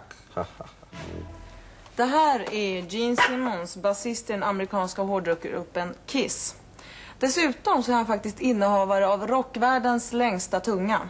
Could you please show us your tongue, Gene? Only after you show me yours. Mine's A close-up? Yeah. Thank you very much. Kiss firar snart eh, 10-årsjubileum och har under de här åren sålt omkring 50 miljoner LP. Varsågod och sitt. Tack. Is there anything in the Kiss image which is possible to change? We can do anything we want to do because we make our own rules. There's nobody that uh, that tells us what to do, pretty much. So we, the only criteria for doing anything, is to be the most outlandish, to be the most spectacular live show on earth. So that's the only rule. So can we change? Yeah, if we thought it would make a better show, we would change. But you're not thinking of anything right now. Well, there's a new stage show. There's an entirely new stage with new outfits, new songs, so that's a change. But are we going to take the makeup off? No. Never. There has to be somebody that's doing what we're doing. Somebody brave enough. Uh, when you go on tour, it must cost a fortune. Does the record selling covers all of that? No, we borrow money all. Uh, we're, we're never really concerned about that. You know, everybody uh, has, has this idea that there's this big corporation in back of us. It's really nothing at all from the truth. There are really just four guys who started in New York City. We picked up guitars and started to play, and we were lucky enough to meet people that believed in the same thing. A good record company, Polygram Records, that uh, makes sure our records sound good, and we've got a great crew, and it costs a lot of money to tour. Of course, it's cheaper to go out there with a small amplifier and some drums and just to play. But that's not what Kiss is. Kiss has always been about the only reason we've ever existed is really to be the greatest show on earth. And that's what we intend to continue doing. But in your business, you also have other things like T-shirts and scarves and. Yeah, which now every band in the world does, from the Who to the Stones. So they learn their lessons well. Most of your audience, uh, at least here in Sweden, are between 10 and 15 years old. Why do you think Kiss mostly have younger fans? Well, I don't know if we do. I think. Uh, does, does this make a lot of noise? I think okay. people in the record business really know who our fans are more than we do. The only thing that we know is that when we get up and play, there are people in front of us, and that's all we care about. There are no rules. You don't have to be a certain age or a certain sex or, or dress a certain way to be in the audience. You just have to be there. And the only reason to be in a Kiss show is really you want to see something special, not just another rock and roll band. So who our fans are, I don't really know. I know that there are a lot of them, but how old they are and and how many there are, I don't know. But you don't keep in contact with them, and you know there are Not every one of them, because then we wouldn't have time to make records or to tour, of course. No, but there are a lot of youngsters dressing like you are and so on. We keep in touch. We we correspond with certain fans that we trust, whose opinions we trust, that they don't try to flatter us by telling us that everything is great. And some fans tell us that some of the things we do is not that good, and that's very important. Somebody who has an honest relationship with you, and uh, we do have very close contact with our fans. In fact, I would venture to say that I could go to a club and uh, talk with somebody, and only at the end of the conversation will they realize that I'm in Kiss. So I can ask them, uh, "Hey, what do you think of the new record?" And they wouldn't think. I mean, they wouldn't know that I was in the band. Is that one of the go- good things with being disguised? I think so, but also it's important to uh, to be able to be a regular person when I'm not like this. Or, or am I the regular person now, or am I a different person there? I don't know. Will you be, be touring in Sweden in the near future? We want to. You know, we have every plan of doing so. There are conversations now uh, being held about that, but when that's going to happen, I don't know. We've uh, we've got an American tour lined up in the next month and a half, lasting 100 shows, 100 cities, for six months. Then we have to go to Japan, Australia, and everybody here at our record company in Europe is trying to convince us to come here first before we go to Australia and Japan, and we'll see. We would like to anyway. Your video is called I Love It Loud. Is your music ge- getting even heavier now? It seems so on the list, on your last album, I think. Yes.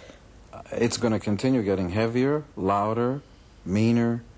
Uh, this is our 17th record, and we've done everything since we've begun, from ballads with violins to uh, to the loudest and the meanest rock and roll. And now that uh, we've gotten a concept record out of our creative minds, this was our last record, The Elder. Now it's time to get serious about what we've always done, which is play the meanest and the loudest and hopefully put on the best show in the world. Jo, det, det, det var det man tyckte då. Då var det bra ja. alltihopa. Och, och sen åkte de eh, utan att ha gjort någonting. Ja, det, det, var så, det var så, vet du om det fanns planer på någonsin att den här turnén skulle komma till Europa? Har du hört någonting om det, Karl? Eller var, var det bara till USA för att det gick så dåligt så vart det ingenting? Eh, de, de, de, turnén utlovades ju som en 100 Cities Tour då, i USA bara. Och, eh, det blev bara typ 51 städer tror jag innan de fick eh, lägga ner. Eh, men de, de lovade ju okej att de skulle komma. och det var ju, men grejen, de brukar ju lova sånt, så man vet inte. Ja, ja det, det, det vet vi. Jag, jag, tror, jag tror att deras förhoppning var att de skulle komma hit med Christian Night-turnén eh, under sommaren, eller tid, väldigt tidig höst, eh, eller sommaren tror jag då, 83. Det var det de hoppades på. Men eh, det sket ju sig. Eh, Men jag har inte sett några konkreta fakta på att, eh, på att det var så långt gånget i, i pipelinen så att säga. Men, men de la ner turnén i USA i förtid, alltihopa där. Och kan, kan det vara den här bristande promotion eller tror du bara att folk hade tappat intresset för bandet? Jag tror att tiden hade gått förbi dem. Du, du tror att det är så? Ändå gjorde de en så jävla bra platta och så har tiden gått förbi dem. Ja, men det är som Det- det- ett träd faller i skogen och ingen är där. Ja. Ja. Man, typ så. typ.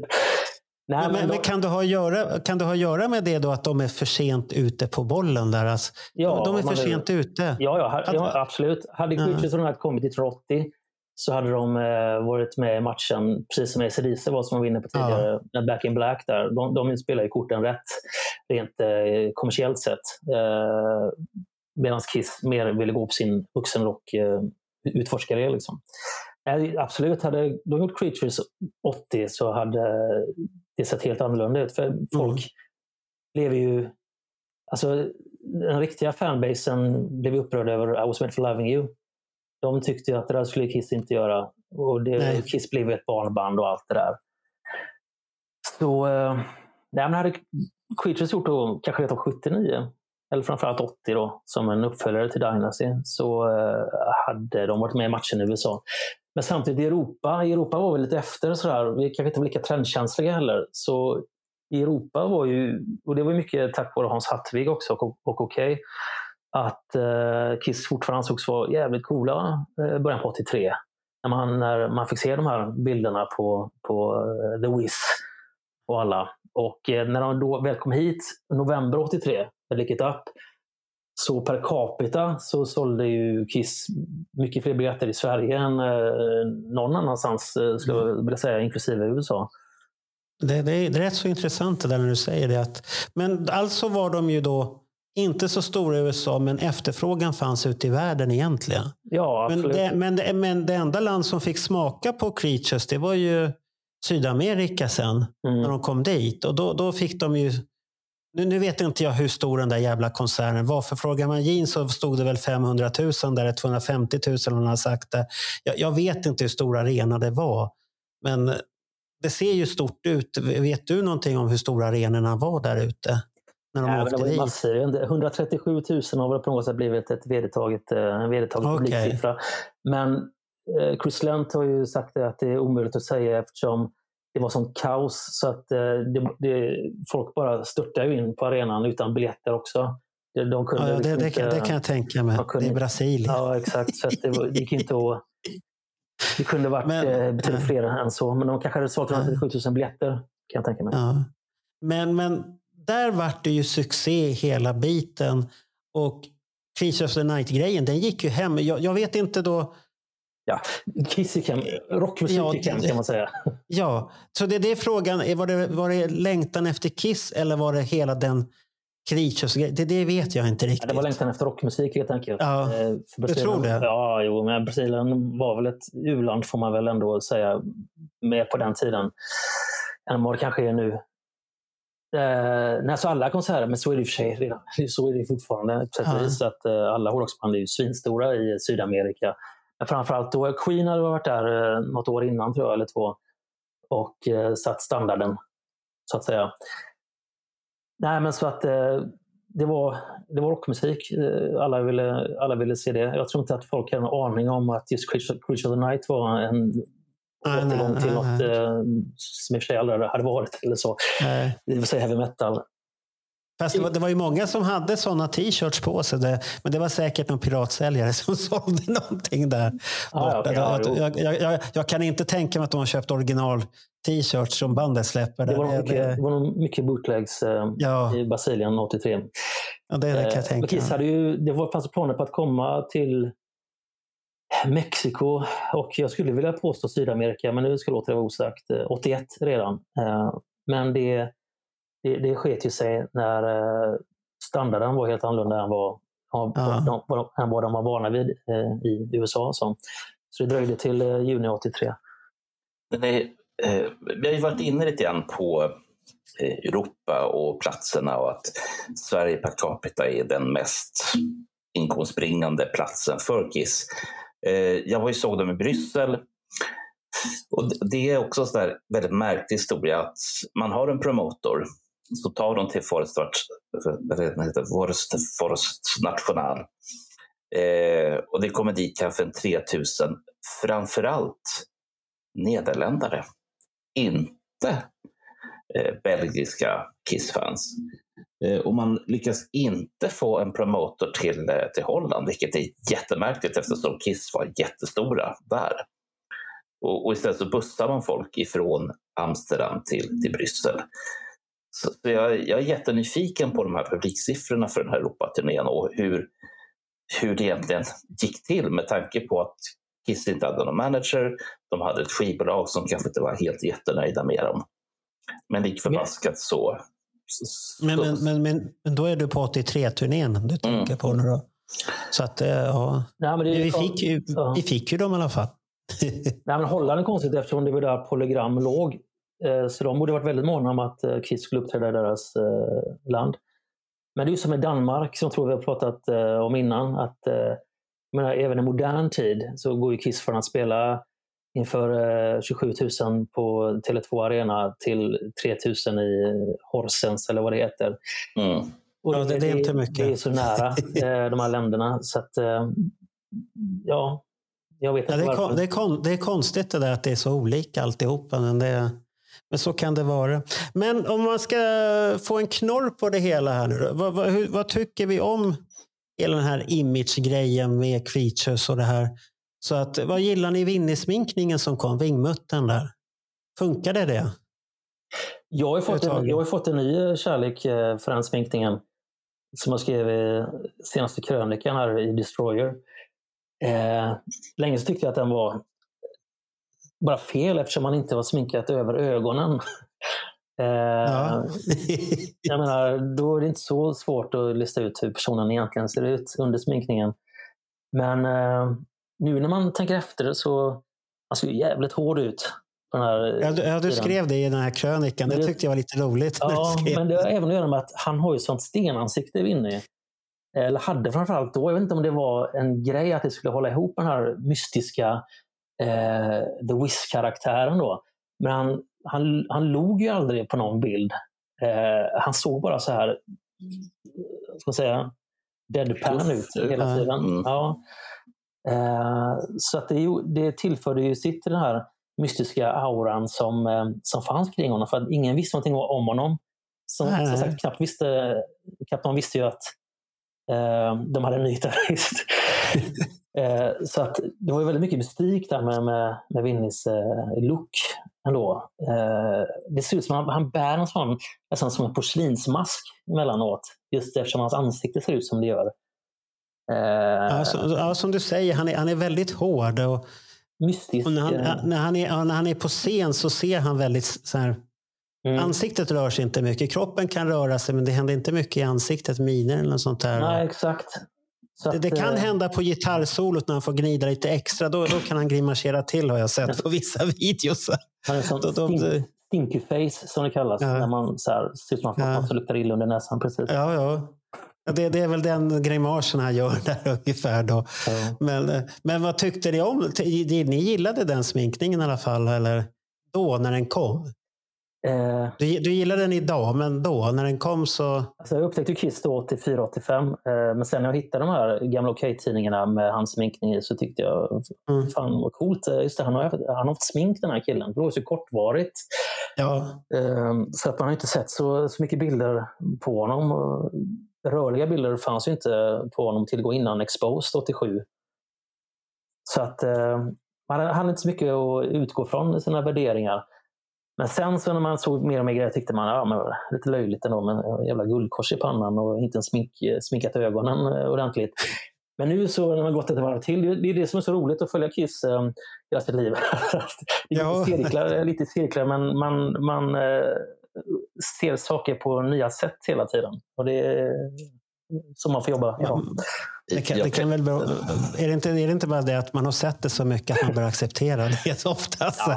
Ja, det, det är ser på bra. ett nytt sätt sådär. Och det är Ja. att man kan göra det ändå tycker jag. Jag, jag fick ju liksom vara med då. Eh, Och jag älskar den här sminkningen. Jag, menar, jag har ju intresse för eh, både eh, de här gamla egyptierna, anksymbolen, eh, evigt liv, reinkarnation. Och här kommer liksom en medlem, en ny medlem i Kiss som står för alla de här grejerna. Det kan inte bli någonting annat än rätt. Eh, och det gick så pass långt så jag var på en, en semesterresa till ett varmare land.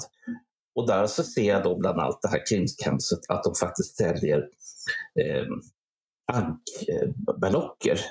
Och jag har ju köpt på mig ett gäng då, i olika storlekar. Helt, jag var helt tagen av. Och Så, så du, var- du var ett Winnie-fan med andra ord? Då? Redan då, herregud, jag är det fortfarande. Herregud, du svek Ace. Så fort. Åh herregud. Nej, men han ville ju inte vara med. Han ville ju vara Nej, om, konvalescent. om, om jag säger vad jag, jag, jag tyckte det var, såg häftigt ut när man såg bilderna. Eh, speciellt live-bilderna. För han, som, han, han såg väldigt tuff ut, speciell och sånt här. Och utstrålade mycket som du skrev i krönikan, att det finns någon fara i honom. Det är ingen man jävlas med. Sen när man har hört honom i efterhand så är han ju tyvärr det, väldigt, det, det går inte ihop med den karaktären som han ska vara där. För då är han ju väldigt mjuk istället. Då. men det var ingenting man sa i mina vänkretsar att man gillade Winnie, för då fick man ju säga att det var en riktig skitstövel. För det var inte accepterat att säga det i sådana fall. För Ace var ju den viktiga. Mm. Så var det bara. Däremot den sminkningen som han har nu vet jag inte hur han fått, fått ihop. Den är ju Ja, men det, det, det är väl en så här... bra.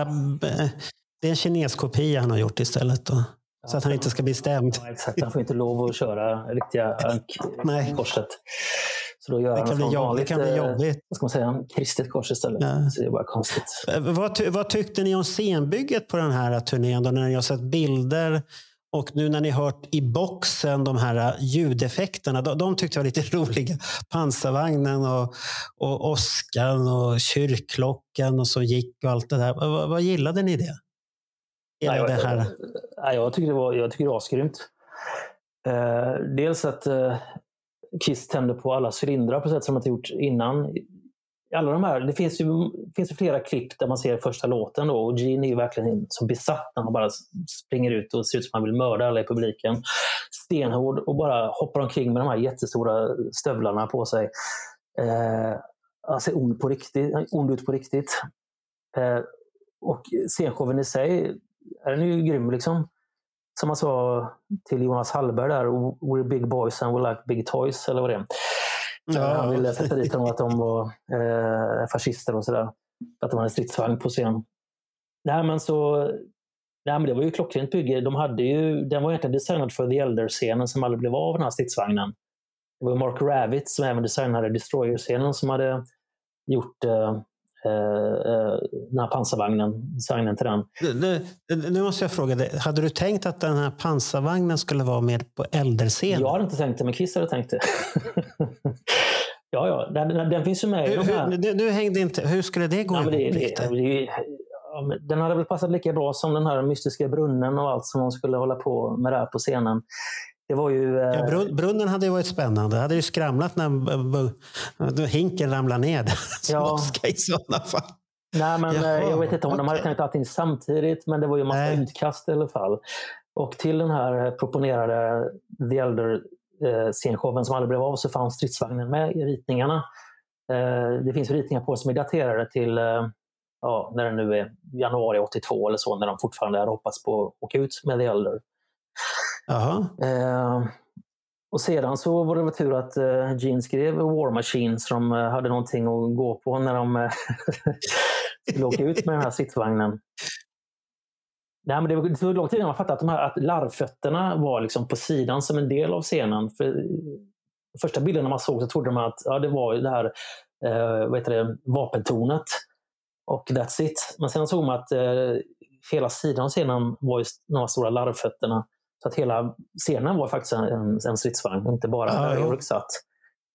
Ja, det var coolt som Eh. fan. Och just Jeans bassolor, alltså, de här kyrkklockorna. eh, Han gjorde ju sin bästa ringaren i Notre Dame eh, eh, impersonation där under sitt solo när han skyggade för Va- ljudet. va- sådär. var det då kyrkklockorna kom in i bilden? Ja. På den turnén då? Ja. Det finns ju fruktansvärt bilder när han ser riktigt farlig ut på de där. Ja, exakt. Det, det kanske inte är så konstigt att Södern vaknar till liv i sådana fall.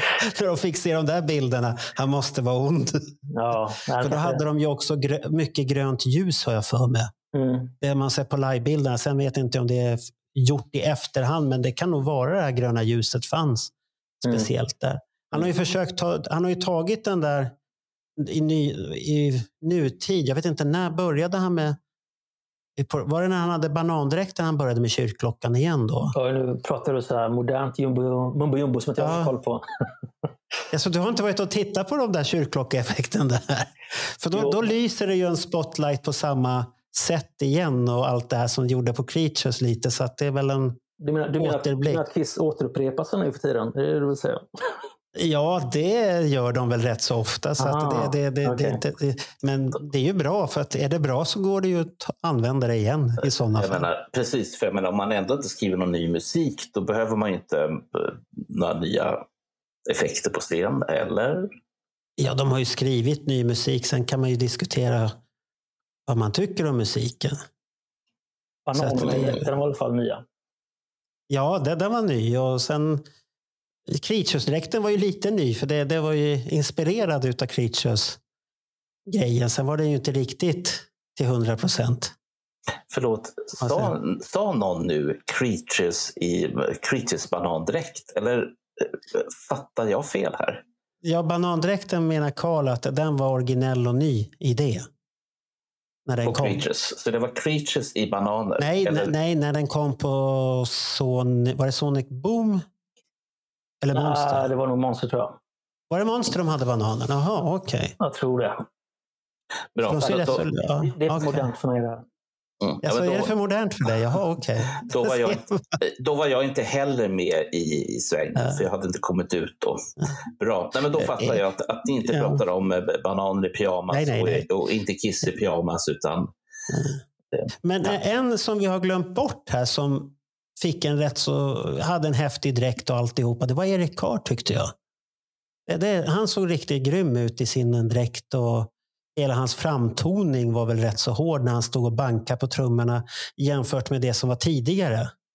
Ja, Han, han, bank, han bankade ju hårt på vad heter, eh, Unmastered det kommer jag ihåg för det hade ont i öronen efteråt. Men, men där var han ju, det såg bättre ut, helheten, tyckte jag. Mm. Nej, men eh, hela bandet blev ju hårdare och Vinnie Vincent gjorde grejer som Ace Frehley aldrig hade klarat av på gott och ont.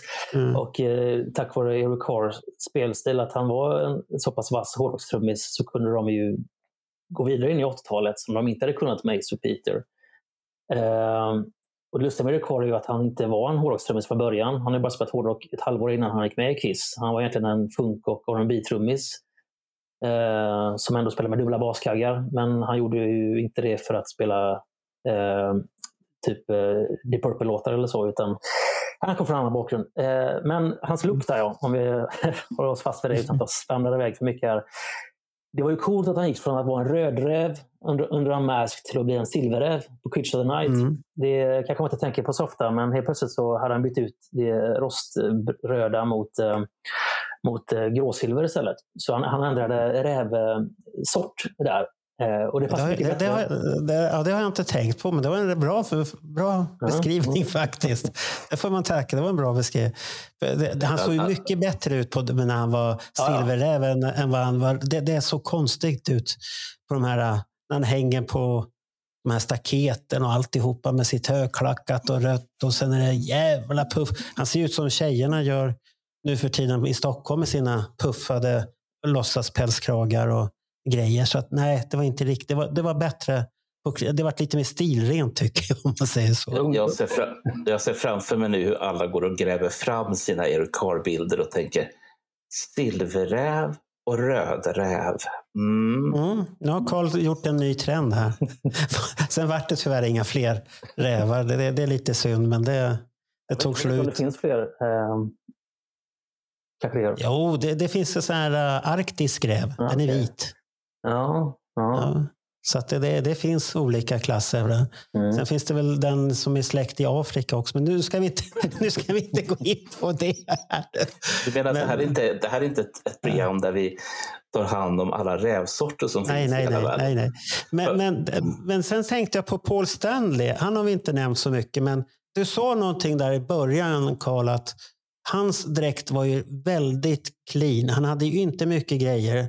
Det såg man ju mycket på den här uh, turnén i Sydamerika. Där han spelade med en vanlig Kiss-t-shirt som han har klippt av sönder, som vissa gör idag också. Dyrgripar.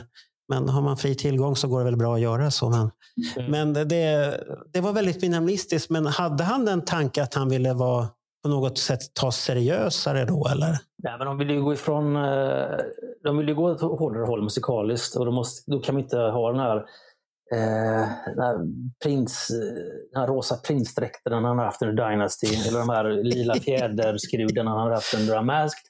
Ja. Eller den här då Adam and the Ant-looken under The Elder. Eh, han kollar väl liksom runt omkring sig lite grann och kollade väl typ hur ser David Lee Roth ut. Och han är mycket barbröstat och Paul hade ju kroppen att eh, bära upp den looken. Jag tror att den första fotosessionen som jag nämnde innan, det här som blev en okej-affisch, jag tror att han är jag tror bara att han bara har eh, brallor och eh, det, det äldrebältet på sig och, och bara överkropp. Den här konstiga... Är, det, är, det, är, är det där med rosa bakgrund? eller något sånt där? Nej, det, nej, det, nej, den togs ju under europeiska Mhm. promoturnén. Nej, det här är när Paul hoppar så här i sitt spagathopp ner från, Jaha, från podiet. Så står Gene och eh, hytter med näven till ena hörnet och Ace poserar och är längst bak. Så här, en stående Jaha, okej. eller en liggande bild är det nog till, till kräftor. Mm. Men eh, i alla fall, den här konstiga toppen då. eh, den här svarta toppen med nitar som ser ut som en bh ungefär. Ja, det är en sport-bh. Ja, en sport-bh. Den, den kom väl först eh, i samband då med Live at Loud-videon och eh, presskonferensen han gjorde i samband där, 28 oktober. Och sedan så, det finns två olika varianter av den här toppen vet jag, eh, som är skurna på lite olika sätt. Men sedan just i eh, Sydamerika så hade han ju slängt den och kört med en trasig Kiss-t-shirt. För det var ju så många band skulle ut på den tiden också. Kiss hade väl börjat snegla lite ganska mycket där åt, åt konkurrenterna, hur de såg ut och vad de gjorde. Sådär. Jaha, jag, jag som trodde att det fanns något taktiskt, att han skulle vara en av folket. Men så, så, sådana, sådana känslor fanns inte inblandade i det. Okej, det är nej, svårt, det, att, svårt att se ut som en av folket om man ändå är med i Kiss.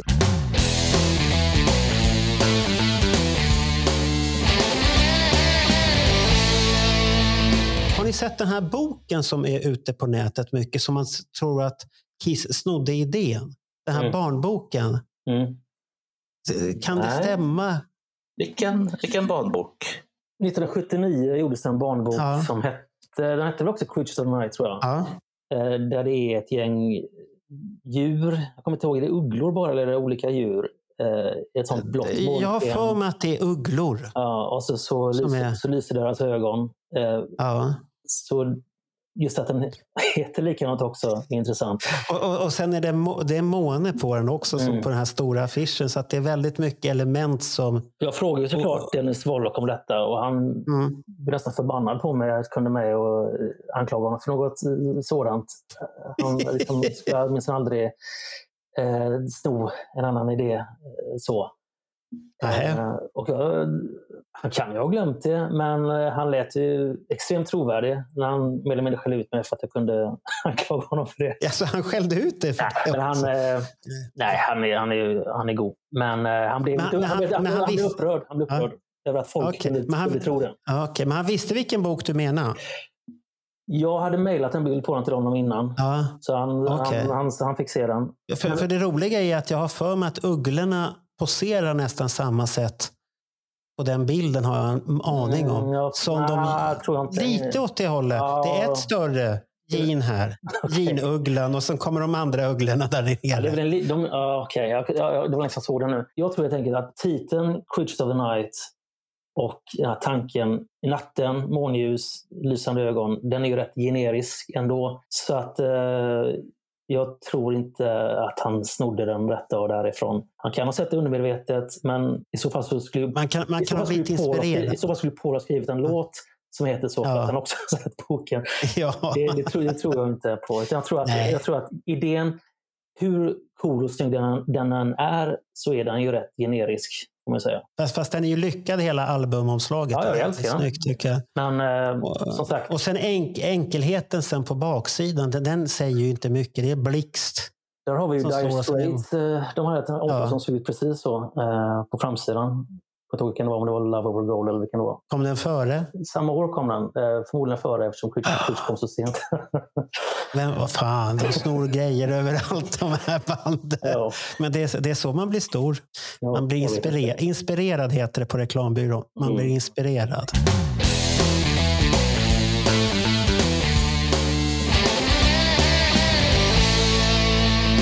Eftersom vi har Carl Linnaeus, författaren, skribenten, poddaren och jag vet inte allt som han är. Och, och ett år i Kiss tid, det, det kan för 15-20 timmar ifall vi pratar med Carl Linnaeus. Jag har ingen aning. Är, är du poddare? Nej, men jag, jag, jag, kan, jag kan köpa det. Eh, det är bara att spä på. Jag, Han jag, brukar gästa i poddar. Ja, just det. ja, jag tror det är Han har varit i en podd i en container en gång. Den var rätt så rolig, tyckte jag. Just det. När ni sitter där och filosoferar över det ena och det Men andra. man behöver ju inte vara poddledare utan man kan ju vara podddeltagare. Och Det var lite Ja. det jag var ute efter. Det är det han brukar vara. Eh, nej men jag, jag tänker så här, eh, alltså jag ser framför mig två stycken böcker av minst Carl Linnaeus. Eh, det ena måste ju vara Hans Hatzig-boken. Den som Hans Hatzig inte ens kan skriva själv därför att när han gjorde det så var det ju två stycken tjocka jävla tegelstenar som det inte står någonting i egentligen. Den Carl, den väntar jag på. Och sen så väntar jag på en bok med dig och Alex som handlar om Och vadå? Nej, jag trodde jag skulle kunna dra det här ur, ur Carl live. Jaså, det var det du tänkte? Nej, men, det, nej, men jag tänkte faktiskt på en bok om Creatures of the Night och Lick It Up. Eftersom allting hänger ihop. Och så är det en skvätt med The Elder. Som, jag menar, det är ju tre skivor och så blir det en bok. Det är ju inte ens svårt. Så Nej. att, eh, Fin- Finns det sådana måste- tankar man måste, överhuvudtaget? Man måste ha någonting att utgå från eh, i alla fall. Vi får väl se.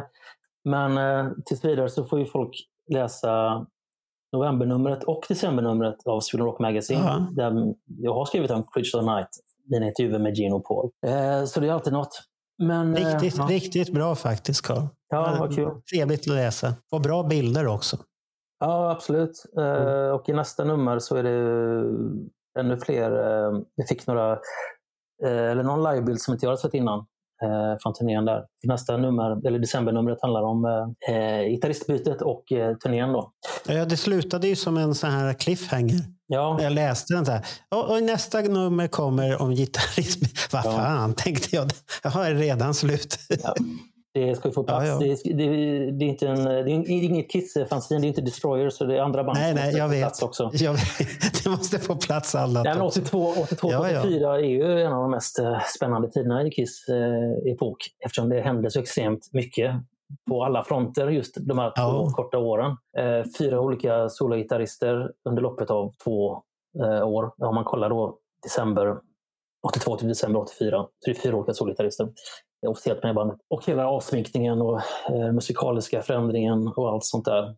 Så att jag hade väl lite planer på det, men så gick ju Michael James Jackson och dog där i juli. Satte käppar i hjulet för att eh, han han ju aldrig prata med, tyvärr. Men det finns ju fler som jag vill prata med. Ja, så att jag vet inte, det där, ja, vi får väl se. Det kan ju bli, så- om det blir någon mer- bok så kanske det blir något helt annat också. Eh, som på något sätt grundar sig i Kiss. Vi får väl se. Jag, jag, jag, jag, jag, jag är inte klar än i alla fall. Vad, vad är det för böcker som säljer? Vilken grupp är det garanterat att det här vet ni blir en kassako och ni kan hurra till banken på en gång? Det bandet vi vet säljer är Kiss. Men sen så skulle jag inte vilja påstå att man kan hurra till banken för det. Nej, nej, det, det är inte lätt med böcker, det kan jag tänka mig. Nej, det känns ju som att mycket har flyttat ut på det där eh, tockendäringa internet. Och det är mycket poddar. Så. Ja, jo, det, det är det ju. Men, men boken är ju ett bra komplement tycker jag ändå. Det är ju avslappnande att lyssna på. Och sånt här. Och så att man ska inte underskatta boken. Poängen med, med en bok kan jag tycka, det handlar ju om att alla de här krönikorna, alla poddar och sånt där, allt det där skyfflar man ju ner i den här boken. Det är ju inte, det är där det ska vara. Och sen köper man boken också. Och det, är inte, det är inte svårt att göra det. Man, man, går bara gå in, man går bara in på Gilsas hemsida och så köper man den och så är det klart. Och så ställer kaching någonstans, kanske till Card och kanske till, till Alex. En 50-öring var eller vad, vad det nu kan bli. Nej, för jag, jag, jag pratade med någon på, på ditt förlag där som jag träffade på Kiss i Göteborg. Mm. Det var någon där som satt där och då satt vi och pratade om det här, vilka böcker och han sa ju det att Kiss är ju det, det är lite enklare att ja. marknadsföra och bli av med överhuvudtaget. Och Han var så tacksam för det överhuvudtaget. För att det var mycket svårare med andra band och sånt där. Ja, mest tacksam är väl jag som råkar ha det som specialintresse också. att skriva om det. Ja. Det är ju en jävla tur eh, att det är just det här bandet som jag gillar mest att skriva om. Eftersom det är det här bandet som är lättast att eh, sälja, sälja saker med. Det är en köpstark målgrupp, Kiss-fansen, och det är jag extremt tacksam eh, för. Så absolut. Ja, det, jo, men det, det kan jag förstå. Men, men är det kanske för att vi är så nyfikna också vad som hände? För det är ju väldigt mycket mystik i det hela. Och ni släpper ju böcker om en mystisk period som många har frågetecken Ja, exakt. angående. Ja. Det, det är konstigt det där att Kiss är så fascinerande band. Bortsett från imagen och eh, all musik och sådär. Själva storyn i sig och vad som finns bakom storyn. Det är så extremt mycket och det är så många personer eh, som på något sätt har varit eh, involverade som man kan prata med. Jag menar, hur mycket jag än älskar Black Sabbath så, eh, så deras story den kan ju ganska kortfattat klaras av ändå. Trots att det finns väldigt mycket böcker om Black Sabbath så är det inte så mycket nya saker man kan gräva i där. Har jag eh, märkt när jag har läst alla inför mina, inför mina intervjuer med Tony Iommi. Sådär. Just Kiss, det, det, är, så- det är som en, en egen värld bakom under bandet på något sätt. Om ni förstår vad jag menar. Ja, jag förstår precis vad du menar. Ja, Vi, vil, vilken var din senast inköpta Kiss-bok då? Och, och då räknas det inte din egen. Jag fick tag på Hellbox i fysisk, fysisk utgåva. Jag hade den bara som e-bok innan. Det är väl den Men, då. Ja. men var det någonting du var nöjd över? Eller? Ja, eftersom jag har sökt den så väldigt länge och den är rätt eh, svår att få tag på eftersom den kan inte ha gjorts i så jättemånga eh, exemplar. Nej, det är ju en skitbok är det men man måste ju ha den. Ja, det, var det, det, var, det var det jag ville höra, för Ronny dissade den stenhårt. Ja, jag vet. Ja, men jag vet jag, han och jag har diskuterat det där också och vi har lite olika inställningar, inställningar till det. Ja. För att så som han tänker då att eh, om man vill ha en bok bara utifrån faktaperspektiv så är den ju värdelös. Ja. Men jag vill ha en bok för att förstå dåren Sean Delaney. Och då är den ju fantastisk. För är det, är det någonting som framgår i den här boken så är det att den mannen var väldigt speciell. och det, Det, det, det kan man säga. Han, han var speciell, men, men han var väldigt nödvändig. För det, det verkar vara en sån här idéspruta som sprutar åt alla håll och kanter. Eh, Sen, sen kanske, man, sen Inte- kanske det finns mycket inte- annat som inte är så bra med alltid, men det, det, han hade mycket grejer för sig. Ja, han var ju extremt viktig. Mm. Han hade ju super-ADHD har jag förstått. Ja. Eh, Men då, då, vilket då, är man en sån här ty- ja, men då är man en typisk sån här firestarter. Man sätter igång bränder, alltså idéer då, Mm. överallt. Men man har kanske svårt att slutföra dem. Mm. Men man sätter igång idéer. och eh, Jag, jag har haft sådana på, när jag jobbar på reklambyrå. Att de kommer med idén, men du måste ta vid. När, när de, de klarar inte av det själva att slutföra. Men en annan måste slutföra idén åt dem. Och sånt där. Så att det, det lär man sig oftast på en reklambyrå. Det, det har ni säkert själva varit med om också i olika sammanhang. Mm. Folk som vill sätta igång fester eller vad som helst, men det kommer inte hända någonting. Nej, precis. Och det var därför han inte Mm. lyckades slå igenom på egen hand, Sean Delaney. Då. Mm. Eh, utan han kunde spruta ut sina idéer. Mm. Och ett annat band som hade en Gene Simmons som kunde liksom, eh, Mm. göra verklighet av det. Och sedan så tror jag även att Sean var mytoman. Eh, vilket också såklart påverkar eh, hela hans personlighet. Så att väldigt intressant människa. Och det är det jag tar med, tar med mig från, från Hellbox. Vad, vad var den senaste skivan du köpte? Det var länge sedan jag köpte en officiell Kiss-produkt. Jaså? jag, jag, får ju som alla, jag får ju musik eh, digitalt så. Så jag behöver ju Ja. inte köpa det eh, så sett. Och sen, eh, de här Kiss-böckerna eh, som jag gillar att samla på, de är inte officiellt utgivna. Nej, så det... Jag vet fan. Jag köpte... Okej. Nej, men jag köper ju jag köper ju vinyl. Jag, jag lyssnar aldrig på CD. Så det, när jag köper någonting så köper jag det på vinyl och köper jag ju mest begagnade grejer. Sen köpte jag, de fyra senaste jag köpte det var Sam Hain. Det var ehm, eh, Loves första platta. Det var eh, Slayers Seasons in the Abyss och eh, någon till. Sådär. Ja, får du några titlar i alla fall. Ja, ja, okej. Gamla skivor. Hur- hur- Och så ska vi avsluta med en trevlig fråga här som jag varit fascinerad av när jag såg att du håller på med trädgårdsarbete. Hur går det? Jag gör väl inte alls det. Nu, det Jo, jag har vad, sett. vad, vad är det för påhopp? Det gör du. Du satt där och var så glad med någon äppelträd eller vad Ja. fan det var för något. Eller var det bara en sån här gimmick, så här reklamgrej bara? Vi har en koloni, Lotte kolonistuga. Min uppgift där i är väl mest att grilla och eh, dricka whisky. Resten där som har med trädgård att göra har jag ju en, Det är inte eh, du? en eh, söt fru och eh, en söt son som gillar att hålla på med och påta jorden och sådär. Då, då, ska jag komma med en obekväm fråga här nu när det gäller grillning. Lagar du mat annars också eller grillar du? Bara? Jag tror att jag är en sån eh, man. Jag, jag är nog den som lagar mest eh, mat i hushållet. Bra. Så att, Tack, eh, det jag, vill jag höra. Jag, jag, jag är född på den här sidan av eh, 1949. Ja. Ja, det är bra. Mm. Annars hade jag haft den här obekväma frågan som hade varit nästa. Varför tror du att du är så himla bra- på att grilla när du inte lagar mat annars? Så är det inte. nu- du. Nej, det var bra. Det var trevligt att höra. Då ser vi fram emot en trevlig grillstek. En stek någon gång hemma hos dig. Absolut. Har du något att tacka honom för, Bernt? Eller är vi- är du också nöjd nu? Jag, jag har suttit och varit nöjd väldigt, väldigt länge för att eh, när man bjuder in Karl och frågar honom saker, då är det, det, det är liksom som ett självspelande piano. Jag har suttit här, jag har inte sagt så mycket under de här timmarna därför att Karl har så otroligt mycket intressanta saker som liksom det bara ploppar ur honom. Och så fort som han liksom tappar det minsta fokus överhuvudtaget så, så slänger du åt honom en fråga, Marco. Och, och sen sätter Karl igång igen. Jag är så otroligt tacksam och, eh, över att få höra Karl i närmare två timmar. Tidigare gånger som jag har träffat Karl, det har ju varit för Kiss på söndagarna och då är poängen att då får han prata så lite som det bara går för att berätta så mycket som man kan med så lite tid som möjligt. Här har han fått sitt, sitt riktiga eh, ställe och kunna berätta allt. Jag är så tacksam. Tack Karl! Ja, jag är bara glad Så du- så- att någon vill lyssna. Eh, För att här i hushållet så är det ingen som vill eh, höra när jag går igång på Kiss. Så att, jag gör ju aldrig det. Så att jag är glad att jag har fått utlopp för det mm, med er. Är, du, är du förvånad? Vem, va? Säger jag Kiss för mina barn? Bara, nej, gå, gå iväg. De orkar inte. Fast, fast Andreas har ju varit här när vi har satt och räknade. Han ligger väl på, jag tror det är åtta spelningar ändå med Kiss. Okej. Och, Gab, och Gabriel är nöjd med tre. Sist han såg dem så sa han att ja, det är bra nu. Så säger hur kan du vara mätt? Ja, det är bra. Det är bra. Men Andre, Andreas hänger med så att han har sett dem rätt så många gånger ändå. Det är inte många som har sett så många gånger, åtta. Kommer ni vara på Dalhalla? Dalhalla. Konserten? Alltså, ja, Eller sa jag, heter inte Dalhalla? jo. Jo, det heter så. Idag, eh, ska se, smarta lyssnare vet när vi har spelat in det här.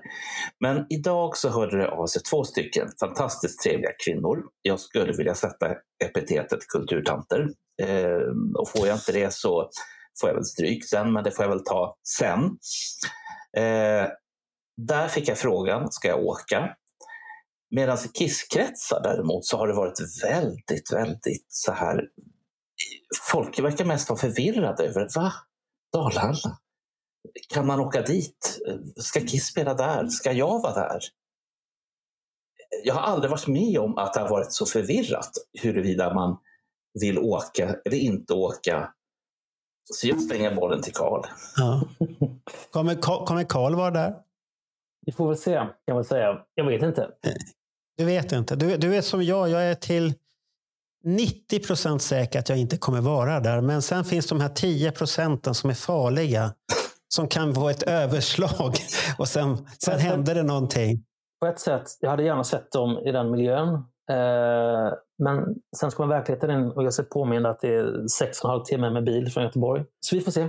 Jag har ju sett dem 22 gånger hittills tror jag, vilket inte är en gigantisk siffra om jag jämför med många andra, eller vissa andra. Mm. Jag kan, jag kan, jag kan, jag kan en Kisskonsert det här laget. Det var jättekul senast. Eh, det kommer bli jättekul i Dalhalla också. Men eh, fan, man är ju bekväm av sig nu för tiden. Så vi får se.